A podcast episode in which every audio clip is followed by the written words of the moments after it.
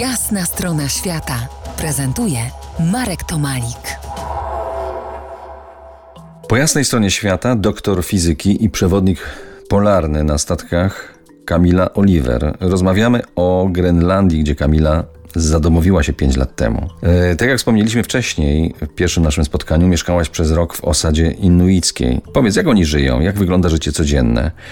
Tini, ti, tini te kilak albo też można powiedzieć Tini Tile Rilak, bo są dwie możliwości wymowy nazwy tej wioski. No, żyje tam około 70 osób. Żyje się w takich małych um, drewnianych domkach, które są zbudowane na palach, po prostu w skale, bo to jest tam um, zmarzlina, permafrost. Nie ma kanalizacji oczywiście, czyli wodę trzeba sobie przynieść do picia, gotowania, do mycia, można, można tą wodę po prostu sobie przynieść w postaci lodu e, z, z lodowca, albo też jest w wiosce zbiornik ze zbiornika. No, nie, ma, nie ma na przykład pryszniców domów. Jest taki jeden dom w wiosce, gdzie, gdzie są e, maszyny do prania i można wziąć prysznic, ale tam też raz był problem, coś się zepsuło i przez trzy miesiące nie było dostępne pranie i tak się tam żyje. No, gdzie są do tego przyzwyczajeni i do wszystkiego można się przyzwyczaić.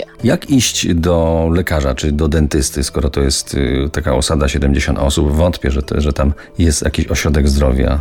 Tak, faktycznie. Nie, nie, ma, e, nie, ma, nie ma lekarza na miejscu, oczywiście dentysty też nie ma. Trzeba, jak ktoś jest chory, trzeba dzwonić do, do jest taki mały szpitalik e, w miejscowości Tasilak, która to miejscowość jest odległa jakieś 40 kilometrów, ale oczywiście połączenia z Tasilakiem nie ma. Trzeba lecieć tam helikopterem.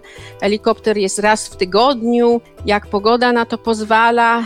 I mnie się to właśnie zdarzyło, bo ja złamałam na Grenlandii nogę. Trzeba było prześwietlenie zrobić. I potem się okazuje, że trzeba w tym szpitalu tydzień być do następnego um, lotu, kiedy helikopter leci według planowo do Tile Rilak Stasilak. Takie pytanie trudne może, ale, ale jak jest y, z pogrzebem?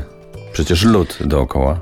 Był taki przypadek, e, najstarsza kobieta w wiosce, e, która zmarła i to było w tym czasie, jak ja byłam w Tasilak i proszę sobie wyobrazić, że wracając do Tile Rilak, tym helikopterem, ja byłam jedyną pasażerką w tym helikopterze i trumna ze mną leciała.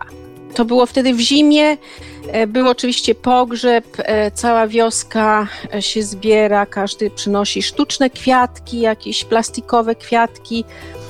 Wtedy ta trumna idzie do takiego jakby składu, takie pudło, które zabija się mm, i czeka to do lata, kiedy praktycznie można, można coś, kamienie odsunąć, przesunąć, no bo w zimie oczywiście wszystko jest, jest pokryte śniegiem i, i lodem, także nie ma możliwości, żeby to jakoś tak normalnie człowieka pochować. No właśnie, to bardzo skomplikowane. Za kilkanaście minut porozmawiamy o komunikacji werbalnej, o, o właśnie o języku grenlandzkim. Zostańcie z nami. To jest jasna strona świata w RMS Classic.